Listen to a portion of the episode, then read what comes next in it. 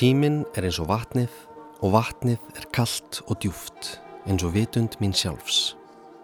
Svo orti skáldið Steitt Steinar í ljóðabalkinum Tíminn og vatnið, tímamótaverki í íslenskri bókmyndasögu sem kom út árið 1948 og ruti brautina fyrir atomljóðið. Rúmum 70 árum síðar orti annað skáld um þessi sömu hugtök þegar bókin Um tíman og vatnið eftir Andras Næ Magnason kom út höstið 2019. Um tíman og vatnið fjallar um þær grundvallar breytingar sem er eiga sér stað á eðli vass á jörðinni sögum nattrætnar hlínunar. Bókin lýsir því afframt hvernig skinnjun okkar mannfólksins á tímanum er líkilatriði til þess að skilja og takast á við þessa stærstu áskorun samtímans. Kæru hlustendur, eins og með öll stór málefni þá þarf meira en bara eina bók eða einn útvarstátt til að skilja þau til hlítar og málefnið sem hér likur fyrir, lofslagsbreytingar af mannavöldum, er án efa stærsta málefni okkar tíma. Til að vitna í andrasnæ þá eru breytingarnar sem við stöndum framifyrir flóknari en flest það sem hugur okkar er vanur að fást við. Þær eru stærri en öll fyrir einsla okkar, stærri en tungumálið og flestar myndkverfingar sem við notum til að skilja veruleikan.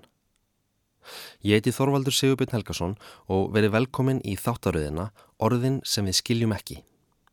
Í þessum þáttum ætla ég að fjalla nánar um tíman og vatnið, kafa dýbra í helstu umfjöllunarefni bókarinnar og heyra frá fólkinu, vísendamönunum, heimsbyggingunum og aðgerasinnunum sem hafa helgað lífsitt því að rannsaka málefni sem eru stærri og flóknari en orð fá líst. En áður en við hefum standa, skulum við byrja á því að heyra nokkur orð úr bókinni um tíman og vatnið, lesin af höfundinum, Andrasnæ Magnasinni. Jörðarbúar standa frammi fyrir áskorun sem á sér aðeins fordæmi vísendaskálsögum, að ná tökum á og stýra hlutfalli gastegundar í lofthjúpi nattarins. Þetta markmið þarf að hafa náðst þegar börn í efstu bekkjum grunnskóla hafa náð mínum aldri og mín kynnslóð fyrir eftirlaun. Verkefni snýstum að bjarga jörðinni og það verður ekki umflúið. Vegna lofslags óreðunar er heil kynnslóð ekki spurð hvað hún vill verða, heitur hvað hún þarf að verða. Það reyndir ekki fullkomlega neikvægt Heil kynnslóð mun upplifa hún hafi hlutverk og eðri tilgang. Svo sem ætlar að leita sjálfum sér þarf kannski frestaði 30 ár á meðan heiminum er komið í skjól. Þegar ég rita þessi orð er nýbúið að létta á samkomi takmörkunum hér á landi í hennu endalösa reiptógi frelsis og hafta sem hefur einkent líf okkar síðastleina 14 mánuði. Það er kannski ekki alveg rétt að segja að núverandi ástand sé endalust en manni hefur svo sannarlega oft liðið þannig. Nú þegar sólinn skín á himni og ríflega þriðjungur þjóðarinnar hefur fengið allavega eitt skamt af bóluefni, þá finnum maður greinilega hvað fólk er orðið langþreytt á þessum fordamalösu tímum og tilbúið að segja skilið við hennar blessuðu veiru. En staðrindin er svo að þetta er ekki búið enn og nú þegar síðir á setni hlutan í langklaupinu vaknar spurningin hvað tekur við að því loknu? Í viðauka sem byrtur var í enskri þýðingu um tíman og vatnið fjallar Andri Snær um verkefni sem hann stóðað á samt leikstjóranum Anni Ólafstóttur þar sem þau fönguðu stemminguna í fyrstu bylgu COVID-faraldursins. Afur þessa verkefnis er heimildarmyndin Apocalypse sem var frumsýnd nú á dögunum þar sem ýmsir íslenskir listamenn og hugsuðir segja frá upplifun sinni af heimsfaraldrinum. Sumur sögða krísan myndi ekki breyta okkur. Þetta ger okkur enn áfjáðari í gamlu dagana að við myndum laupa hungraðir en okkur sinni fyrr inn í nýjan áratug, hinn trillta tug, neistlu, framleiðslu, hraða og óhófs. Aðri sögðu og myndi sanna að ríkistjórnir gætu tekið ákvarðanir út frá vísindalum sjónamiðum til að koma í veg fyrir tjón. Að kapitalismin og vélar hagkerfisins væru ekki náttúrlögmál, hafinn yfir vísindi og óháð mannlegu lífi. Þetta er stóra spurningin sem við þurfum að velta fyrir okkur nú þegar endalók faraldursins eru í sjónmáli. Spurning sem afkoma okkar samfélags og okkar tegundar mun að ölluleiti byggjast á. Ætlum við að fara aftur í sama gamla farið. Verslunarferði til London og New York, laugavegurinn smekk fullur af dúnúlputúristum og stanslust parti eins og áriðs í 2007. Eða ætlum við að nýta reynsluna sem við höfum öðlast í gegnum varkárni og hóverð síðasta árs til að skapa nýtt samfélag, nýtt hagkerfi og nýjan heim. Heim sem eins og Andri Snær segir í um tíman og vatnið verður kannski ekki fullkominn en samt fallegri en orðfá líst. Við skulum heyra aðeins aftur í andra og fá hugleðingar hans um framtíðina. Samtalið sem hér verður flutt átti sér stað í nóvember síðastlinum en eins og við lærðum í fyrsta þætti seríunar er tíminn afstæður og ekkert því til fyrirstöðu að hlusta á samtal um framtíðina tekið upp í fortíðinni.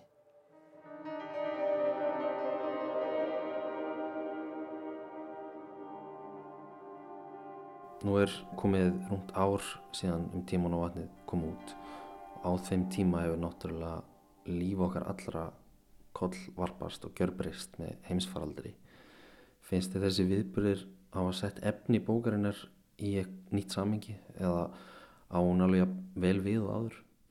Sko þegar ég skrifa bókina þá segir ég ef við sjáum línuritt að, um að sírusti hafsins munir fallur 8,1 neyri í 7,7 þá tökum við handbremsuna. Það bara, segir bara stopp bara allt er stopp. Bara nú hættum við öllu og endur eknum allt. Þar sem ef við erum hugsandi verur og bara og ef við erum sko teljum okkur af einhverja stjórn eða vald yfir því sem við erum að gera.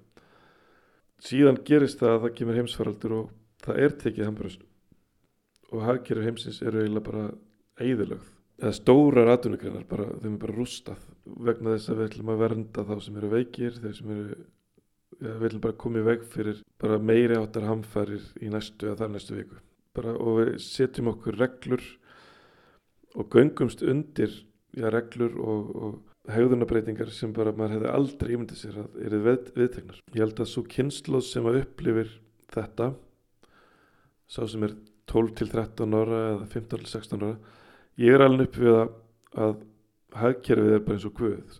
Þú, það má setja svona smá reglur það má svona aðeins svona byggja minn vinsanlegast um að borga kannski skatt af hagnaði eða, eða laga aðeins til umhverfislega eða svona byggja fólk um að kaupa umhverfisveitni vörur. Veist, allt, allt svona tiplað á tánum í kringum hagkerfið. En það skulle verið að taka bara sleggju og mölva það einni helgi allt henni eru ríkistjórnir orðnar mjög sínilegar og, og, og ríkisvaldið og, og saðlaprentun og bara allar hagfræði formúlur upp í loft. Og ég held að það hafi verið kannski, ég er að vona að í baksíninspeklinu þá verður þetta mesta blessun sem að gatt orðið. Þannig að það þurfti að setja stór spurningamerki við hagkerun okkar. Þess að hagkerun væri ekki eitthvað náttúrlagmál heldur væru til eitthvað svona eðri æðri ástæður gagvart almannarhag sem þurft að beita eða verðt að beita valdi ríkistjórnar eða, eða beita vísindum og löggjafanum til þess að, til þess að vernda stærri hagsmunni og við sáum það gert út af læknisfræðilegum hagsmunum en við hefum ekki séð það gert út af bara allir í framtíð í arðarbúa sem er alltaf dólið skrítið. Og snertir þá líka ímyndanablokkar og aftur tíman ábyrðulegs okkar gagvart 2100, já jáfnvel bara 2050 og jáfnvel 2020 vegna þess að afleðingarna er þegar komur fram mjög við það. Ég held að svo kynsla sem að upplifir bæði lofslagsverkvöldin og síðan koronaviruna að svo kynsla hún mun þegar hún spyr síðan okkur hvað þarf að gera til að breyða sér lofslagsbreytingum megum við heimsækja ömmu? Bara já. Uh, megum við halda parti já. Megum við þarna fara í bíó? Já megum við fara út að borða veitingósi bara já, megum við mæti skólan bara ekki málið. En hvað þarf þá að gera? Eða það þarf að nota svona cirka jafn mikið og fyrir hernaðar framleyslu og, og, og sveia hagkerfið út úr ólíubrunanum yfir í aðra orkakjafi og þá munir þeir spyrja bara ok, og hvað er þá málið? Af hverju ekki, af hverju ekki byrjað því árið 1990 og þá vegna þess að hagkerfi var heilagt. Jörðin var ekki heilag en hagkerfi var heilagt. Hugmyndi, hugmyndakerfið í kringum egnaréttin og auðsöfnun og, og penningaveltuna hún var heilag alveg stráheilag en jörðin og, og all framtíð jarðar var ekki heilag Já, ég hef sjálfur einmitt verið að pæla svolítið mikið í þess að því ég er að vinna með, með börnum á frísundaheimili og, og ég er ofta pæla í svona hvaða, hvaða áhrif menn þetta þetta ástand hafa á þau. Bara ég man bara eftir því þegar ég var í grunnskóla og kennaraverkvalli kom og það er eitthvað sem stimplaðist alveg inn í alla mína kynnslóð þetta er, þú veist, kennaraverkvalli sinnum, sinnum tíu og svona ég hef oft haft svona svolítið ágjör hvað hva mun, mun þessi krakkar ekki bara flosna upp og ná mig og, en, en ég hef ekki ymmit, ég hef ekki pælt í þessu sko, að, sem þú nefnir að, að þetta muni mögulega gera þessa kynslu betur í stakk búin til þess að bara ráðast í svona róttakar aðgerðir á, á öðrum sviðum. Ég, ég held að þessi kynslu sé líka komið bara með eitthvað sameiland, það er kynslu sem að miða sig við Woodstock, skilur þú veist, það er eitthvað sem gerðs í einum stað í Ameríku, kynsluður sem miða sig við live 1 tónleikana eða djúran djúran tíanbíla eitthvað en þetta er, og svona alltaf stríðs ára kynsluðin, sem miða sig við við setjum heimstyrjöldina eða eftir stríðs ára kynsluð þetta er algjörlega að fara skilgrensa kynsluð lofslagsverkvalla COVID kynsluðin og þetta er þetta kynsluð sem er að fá í hausin bara verkefni og aðstæður og, og, og reynslu sem bara við gerum okkur enga grein fyrir hvað áhrif hefur. Af því að sko fyrir mig frá 46 til 47 ára lendi þessu skiptir engum máli. Eða þú veist bara svona smá dæld af veginum. En fyrir einhvern sem að missir tvö ári í mentaskóla eða eitt ári í mentaskóla eða, eða loka árið í grunnskóla eða, þetta er bara þetta er bara þunga viktar reynsla og bara á heimsvísu. Ég held að við gerum okkur ekki grein fyrir hversu stór metafóra þetta var. Já, núna hefur alltaf svona svolítið loða við við lofslags umræðin að fólk segir að vísindamenni ekki að málu upp ofta ökka mynd því að þá munir fólk bara hægt að hlusta en svo eru aðri sem segja að við eigum að vera raunsæ, við meðum ekki vera ofbjart sem við erum þegar komin veist, búin að tapa dýrmöndum tíma. En hvað finnst þér sem manni sem pælir mjög mikið í framtíðinni? Er, ertu vongóður eða, eða raunsær? Ég held að ég hef aldrei nefnt að klára bókin ef ég var ekki einhvern nátt með einhverja von. Og átti erfitt í rauninu með að klára hana og kannski er ég bara að selja mér einhverja snákóli bara til þess að ég geti þarna svona þraukað. Ég held að vísendamenn hafa jafnvel reynd að verja okkur og þeir hafa reynd að fara varlegar heldur en þeir hafa þurft og ég skrifum í bókin að á einhvern skrifnátt er þess að vísendamenn skilja ekki niðurstöðu sínar fyrir en aðrir hafa skilja þeir. Við normaliserum okkur gagvart samfélaginu og, og lögum okkur að því og það er eins og, eins og þeir verð ekki hrættis fyrir við erum orðan hrætt niðurstöður vísindamanna eru bara mjög skýrar. Að það, að það sem er að gerast er graf alvarlegt og bannvænt fyrir já bara marga hluta að jarðarinnar. Það væri alveg fráðlegt að tala við lækna og, og sjá rannsók hva, hvað gerist þegar fólki er sagt að það sé með bannvæna sjúkdóm? Lippast fólk niður eða, eða fer ykkur kraftur í gang sem að og endur skoðar fólk lífsitt forgangsraður upp á nýtt breytir samskiptum sínum og samböndum og já bara forgangsröðin í lífinu. E, e hefur það haft neikvæð áhrif að læknar segja fólki satt? Eða ættu, ættu læknar bara alls ekki segja fólki satt af því að það leipast allir niður? Ég hef alveg séð fólk sem hefur fengið mjög slæma greiningar og hefur sko risið út úr því. Ég síndi í rauninni ótrúlega andlegan styrk og, og andlega umbreytingu. Og ég held að, að mannkinni þegar það mætir svona stórum áskorunum bara Íslendingar þegar við mætum hamförum þá sínum við oft okkar rétt andlit eða við sínum einhvern styrk sem er allt annar heldur en í okkar hverstagslega töði. Og ég held að það væri alveg ástæð til þess að sjá mannkinni eða bara Íslandi eða hvað sem er sko, mæta þessari áskorun af einhverju reist og sína þá við séum læs á vísindin og okkur sé kleift að yfirstíka þetta. Það er auðvitað óþægilegt. En, en líklega hvergin er eins óþægilegt að það sem við nú þegar farið gegnum með, með COVID-veruna en mannkynnið er alveg mitt í þessir aðstöð til að tortíma sér og gæti alveg gert það sko. Og við gætum alveg sér fyrir okkur eins og bara í bandaríkjum það sem svona afneituninn og, og, og domstagskvöldin vaða upp eða geta alveg komið bara upp eitthvað svona 50 ára tíumbilað sem að menn bara teltu að þeir ætti bara kveiki eins og miklu elda og mögulegt við erum vegna þess að þeir var trúum að, trúum að sjótverð veri gott fyrir gott fyrir gróðurinn eða eitthvað. Ég leifi mér alveg að vera bjart sitt sko. ég held að við munum sjá svona bakslög rétt eins og samanrið þjóðarnar eru til eftir setni heimistöldina að þá gerist eitthvað mjög slemt en, en upp úr því er ekkit ómögulegt að eitthvað mjög gott komi út úr því. Þess að í kjölfarið að þetta verður ekki eitthvað svona línuleg leið að réttu marki.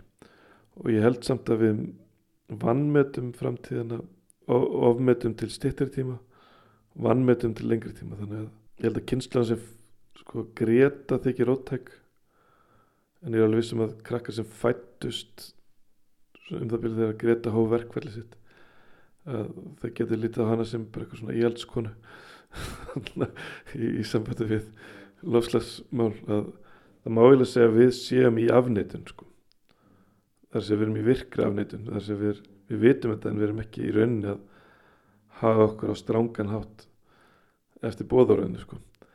en, en það er mjög líklegt að koma upp kynsluð fólk sem bara hagar sér eftir bóðorðinu hugmyndastefnur fæða síðan af sér eitthvað svona eitthvað viðbröð, félagslega viðbröð við erum ekki anþá farin að sjá til dæmis og við sjáum alveg bara í mannkynnu bara í mannkynnsuguna þar til munkar. Bara í kristni og öllum trúabröðum bara fólk sem afneitar öllum lífsgæðum öllum veraldlegum gæðum og, og, og með þess að kynlífi og, og fjölskyldi jáfnvel og helgar sig einhverjum aðri tilgangi.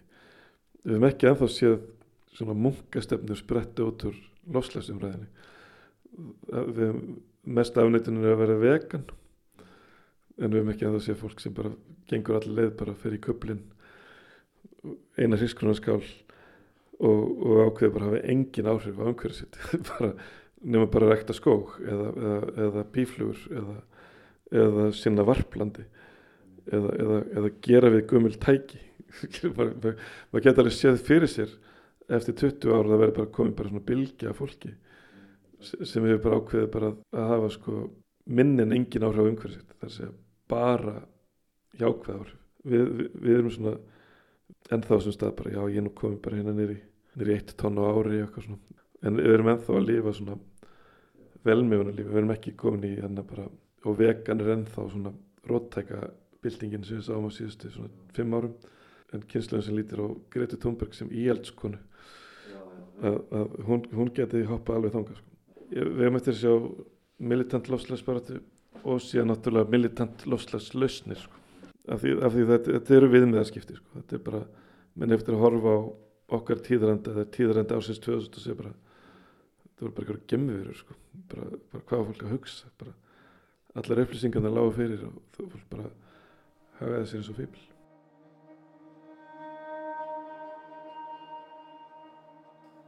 Þann 28. september 2006 var hjáveitugöngum stíplunar á Káranhjúkum lokað og vatni hleyft í hálslón. Á forsýðu morgunblæðsins þennan dag byrti stór mynd af stíplunni með eftirfarandi myndateksta. Hjáveitugöngum Káranhjúkastíplu verður lokað nú í morgunsárið og vatni sapnað í hálslón. Tveimur stálhlerum verður rent fyrir opið og mun hækka nokkuð hratt í lóninu næst stíplunni.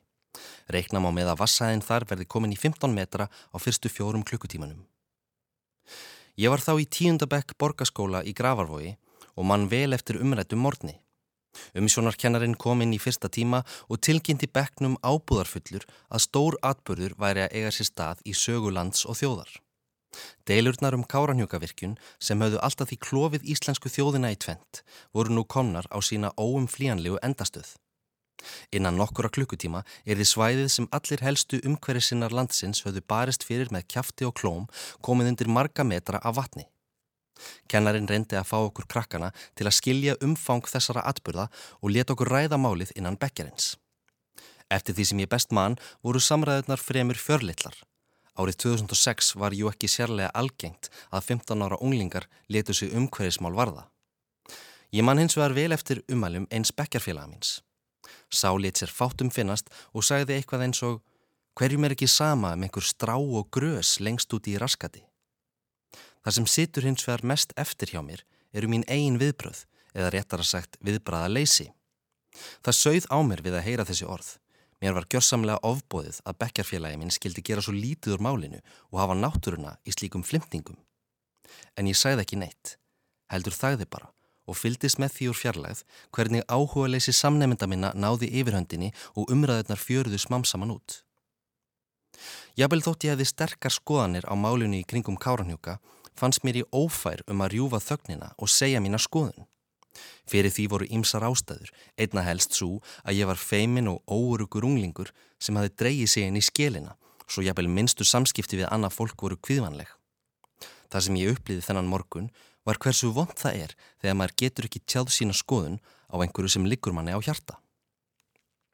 Við sem vorum börn og unglingar á tímum kárunhjókadeilunar höfðum korki rött nýja politist bólmagn til að taka þátt í baróttinni. Jafnvel þó svo að við hefðum sterkar skoðanir á henni.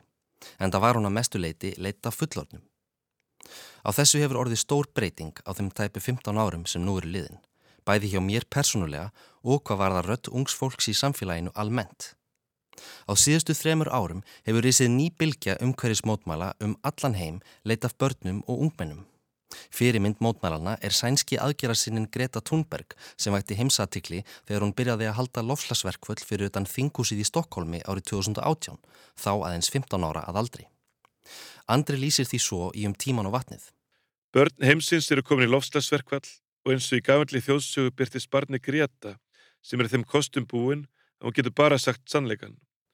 Greta í gula pollagalanum með heimagerða mótmælaskiltið er sterk táknmynd fyrir lofslagsbaróttu unga fólksins og stundum verðist hún halvpartin vera klift út úr þjóðsögu. En Greta er svo sannarlega engin þjóðsarnapersona heldur ung kona með sterka réttlætiskend sem lætur í sér heyra og gefur engan afslátt af sínum skoðunum. Í ræðu sem hún held í Stokkólmi í september 2018 sæði hún Til ykkar allra sem kjósið að horfa í hina áttina á hverjum degi vegna þess að þið verðist hrættari við breytingarnar sem gætu aflýst hamfara hlínun heldur en hamfara hlínunarinnar sjálfrar. Þögn ykkar er hér um byl það versta af öllu. Framtíð allra komandi kynnslóða kvílir á ykkar herðum. Fyrsta íslenska lofslagsverkvallið var haldið 22. februar 2019 þegar fjöldi ungmenna kom saman á Östurvelli til að mótmæla aðgerraleysi íslenskra stjórnvalda og krefjast þess að líst erði yfir neyðar ástandi í lofslagsmálum. Verkvöllin hafa haldið áfram allar götur síðan og einn þeirra sem hefur staði vaktina frá upphafi er aðgerrasinnin Gunnhildur Fríða Hallgrímsdóttir. Ég ringdi fyrir nokkrum vikum í Gunnhildi sem þá var stött á jöklanámskeiði á hofi í Öræfum og var að undibúa leiðangur á vatnajökul.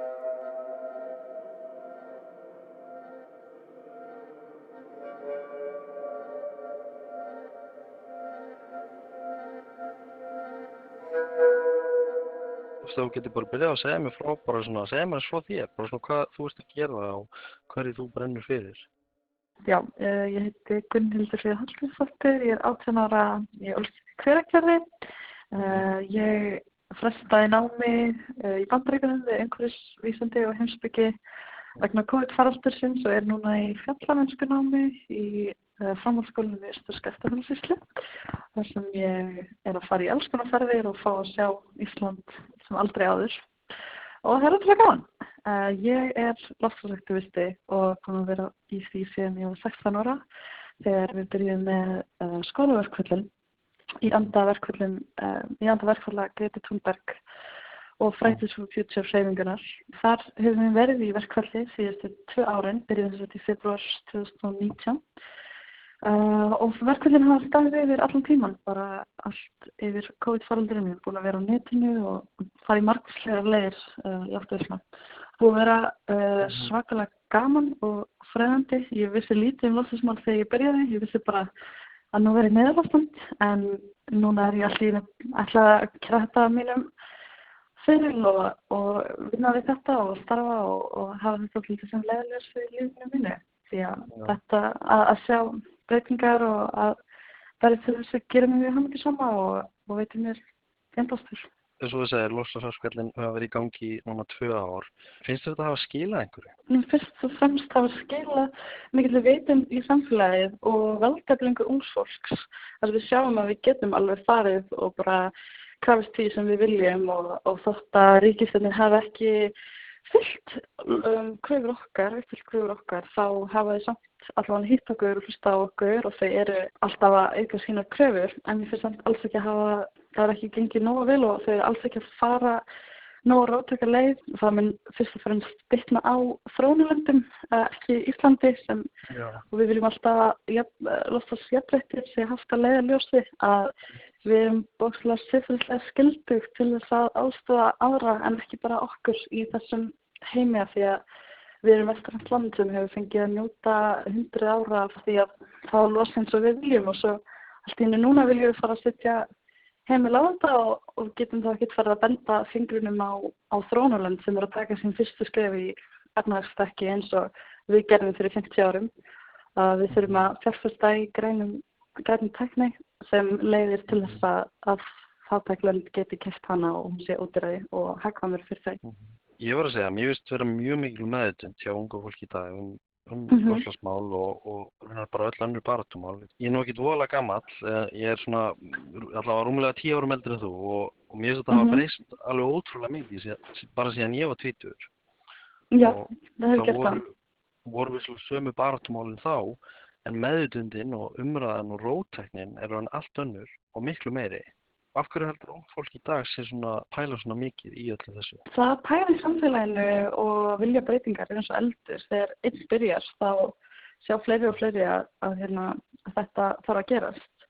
En svo líka bara að mín kynnslóð, þessi Z kynnslóð, elst svo upp í, í falli kapitalismans. Við ölst upp í hérna, efnaðssuninu og okkar gildi þá verða miklu meira um, um samhældni og samfélagið heldur en bara einstaklingshyggju og við núna lifa gegnum annan, eh, annað efnahagshrun og, og sjáum ennþá aftur að það sem skiptir verstu máli er bara mennskan í okkur og hvernig við komum fram við annan fólk. Þannig að ég held að það sé leiðaljósið í öllum aktivisma og svo er líka bara gengi upplýsinga búið að auka svo svakalega mikið og eins og bara Greta Thunberg sjálf hún talaði um það að, að ástæðan ekkert hún búið að pæli sér að því að hún sekk gætt googlað uh, skýrslur frá IPCC um, um hérna, ástand heimsins og, og ungt fólk getur alls gert það og, og er bara að vatna upplýsingum eins og allir aðrir.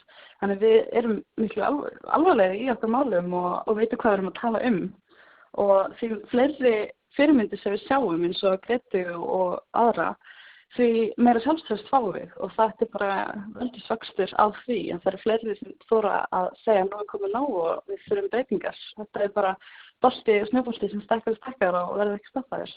Já, stjórnvöld á Íslandi hafa lofað ímsu fögrum aðgerið í loslasmálum en það hefur oft komið upp á bátinn að þessi lofur er ekkert alveg góð eins og það virka á yfirborinu. Um, finnst þér stjórnvöld vera að gera nóg í loslasmálum og hvað myndir þú vilja sjá betur gert? Það er alveg klár vilja og við búum alveg í luk, þeirri luxustöðu. Það er ekki verið að ræða vísindin eða að, hérna, eitthvað svoleiðis. Það er allir sammála um að þurfa að gera nóg.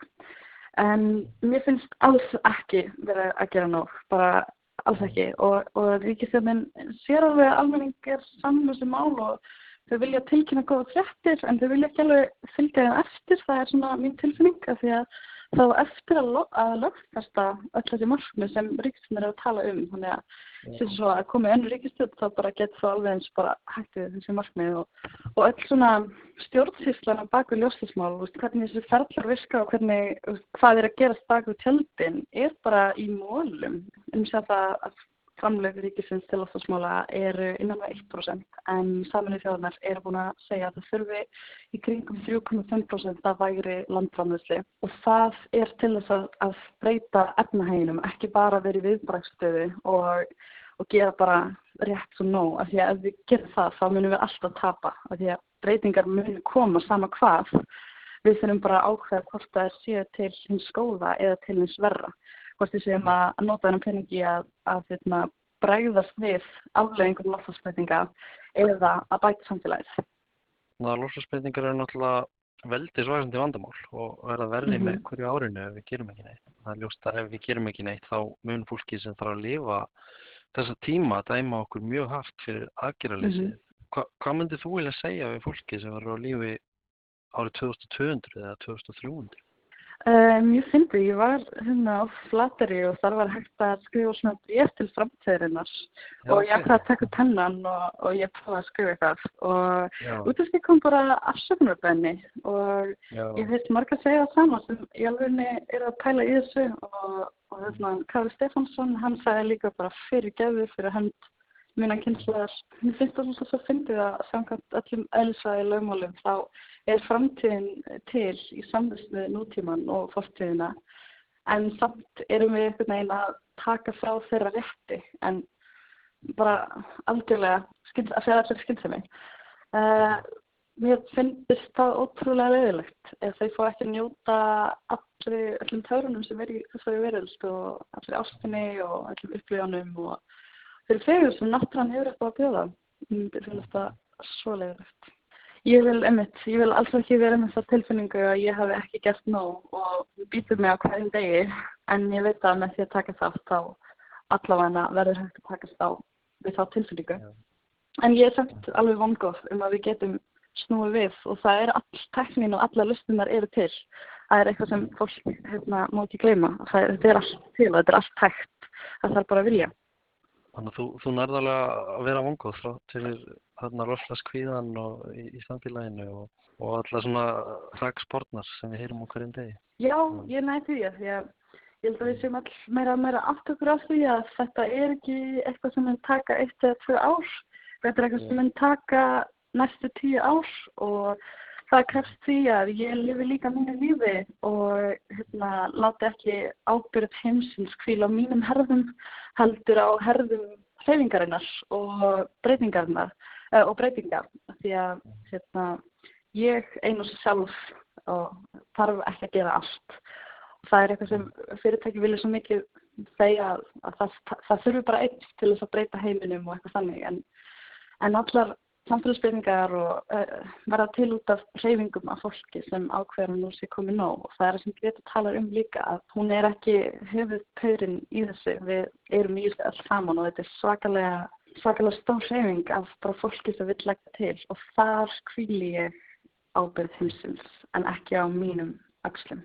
En ég hef að komast að þessari miðstöðu gegnum mikinn kvíða og mikil sorg Já. og það er ennþá stundum mjög erfitt fyrir mig að tala um það og, og ég held að því meira líka því ég læri blóttasmál því erfiðar að verða að tala um það að þetta er svo gríðaleg sorg sem er -hmm. og þess vegna oft þegar ég lemdi í samræðum við fólk sem segir hluti eins og en ábyrð, en, en aðgerðir gegn loftsmálum taka ekki nóga mikið með af efnahag íslenska fjölskylda þá langar við bara oft fyrir að gráta af því að mér finnst þetta svo ótrúlega sorglegt sjónahörn og viðhorf bara fyrir allan heiminn. Já, og mér finnst það alveg magna að þú sett komin á þennan stað, sko, bara átján ára, sko, ég, það tók mjög öruglega tíu ára að komast á þann stað, það verði ekki bara overwhelmed bara af þessu öllu og, og líða bara eins og það verði allt, allt, allt á flóki fyrir mig til að geta skilið. Það sem fekk mér allan út úr þessu er, þú veist, þegar ég er að gráta yfir þessu, þá, þá er ekki allir sem hafa þann luxus að geta farið að gráta yfir þessu, það eru, og það læti mig til svona vanta til lífsins og segja bara, já, nú ætlum þú að nýta þann kraft frekar í að berjast fyrir þá sem hafi ekki eins og með þann lóksus að gráta yfir þessu eða vera leið yfir þessu, þetta er bara lífið það. Eh, hvað myndir þú vilja sjá okkur eftir svona tíu ár Íslandi eða bara heiminn í lofslagsagjörunum? Fólk skiptist þátt í tvo hópa í lofslagsmálum annarkvæmst hvort þau vilji innbýna það að draga úr losum eða að fjárfesta í teknir sem hérna tekur kólefni úr andurslaftinu. En eh, mér finnst þetta svo rosalega tilgangsleis uh, barasta því að við þurfum að gera bæði. Þannig að bara, það var bæði að mynda allar losun uh, niður í helst 0 fyrir 2030 allavega í vestarumvöndum. Og líka þá er það ábyrðu okkar að fjarlæga kólefni úr andurslaftinu því að er, það er, hérna, það er 420 minnum minnuna parts per miljón í andurslaftinu en til þess að sé heilbreytt andurslóft og þarf að vera kringum 350 til 370 minnum við. Þannig að við þurfum bæði þessar galdarleysnir sem kapitalismin kannski vil knýja áfram en við þurfum líka að draga úr losun og endurhugsa alla hluti í samfélaginu. Þannig að í staðins fyrir að berjast um hvað þurfa að gera, það bara segja að það þurfa að gera bæði og vinna núna saman. Og þá getur við alveg náð uh, netta á nullosuna fyrir 2030 og einblíkt á að aðstofa önnur lönd og fjárfesta í grefni tækni til þess að passa að allir séu konur í nettanum og sem fyrir 2050. Er eitthvað svona lokum sem þú myndi vilja koma fram? Bara að hérna, þegar maður aftur sig kannski á því að heimurinn er að farast þá segju bara talaðu fólk gerðu annarstækt það sem kapitalismi vill og gerir sem er að einangra þig og líða illa með sjálfa þig en frekar farði og, og hérna og þjóna einhverju heifingu sem er skemmtilegt og gefandi og geta allir tekið þátt sama hvað eru gamlus eða sama hvað hefileika þeir hafa búið að bjóða. Við þannig með því að búið til svona heifingar og sterkar heifingar er hægt að beita heimni þannig að allir heima taka þátt í heifingu þótt að það þýði bara heifing innan nákvæmlega hverjum sem vil bæta samgöngur eða stór heifingar landsvísi sem vil beita heimni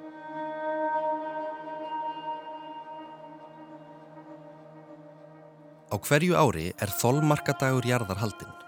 Dagur sem er ekki beint hægt að kalla hátíðisdag en væri kannski hægt að kalla harmsögudag.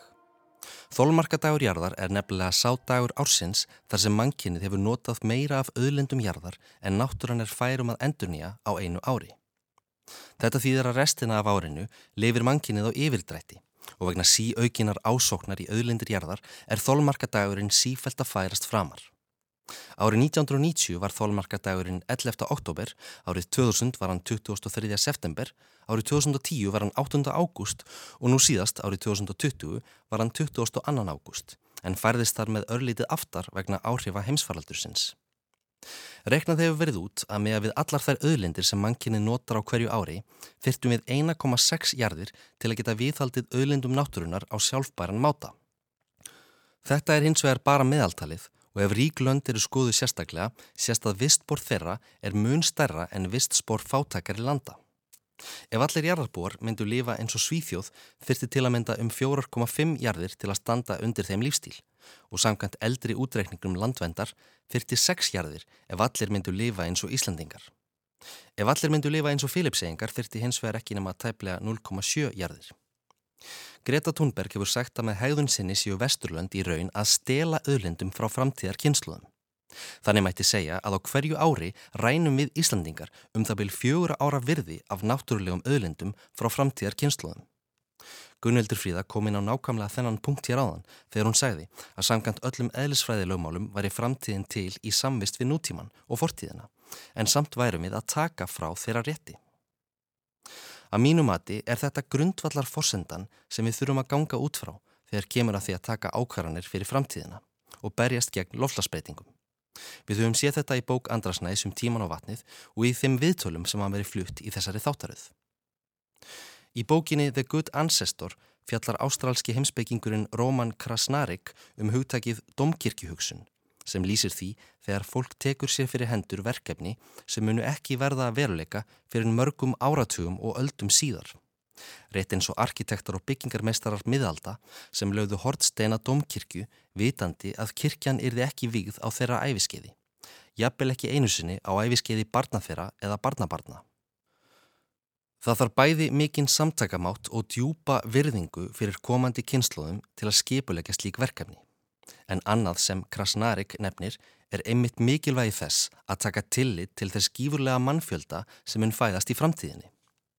Í dag er mannkinnið rúmlega 7,8 miljardar og ef við tökum með í reikningin alla sem hafa lifað og dáið á síðustu 50.000 árum bætast um 100 miljardar við. Þessi fjöldi bliknar þó í samanbyrði við þær 6,75 triljónir sem munu fæðast á næstu 50.000 árum. Ein aðferð sem Krasnarik bendir á að megi nota til að taka tillit til þessara ófætu einstaklinga er einn svo kallaða sjöundu kynntlóðar ákvarðanataka sem á rætur sínar að rekja til innfætara þjóðflokka Norður Ameríku. Samkvæmt henni er ekki nóg að taka bara tillit til hagsmuna núlefandi einstaklinga þegar kemur á samfélagslegum ákvörunum heldur þar að vitnig að taka tillit til hagsmuna næstu sjö kynnslóða. Uppaflega átti þessi síðasti þáttur að vera um vonina.